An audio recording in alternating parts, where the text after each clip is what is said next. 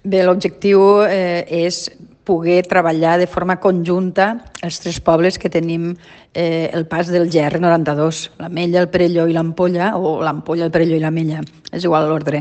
La qüestió és poder posar en comú els recursos i anar de la mà dels tres municipis per poder eh, assolir pues, un GR que sigui adient i de qualitat pel que, pel que el turista o el, el senderista ve a fer a,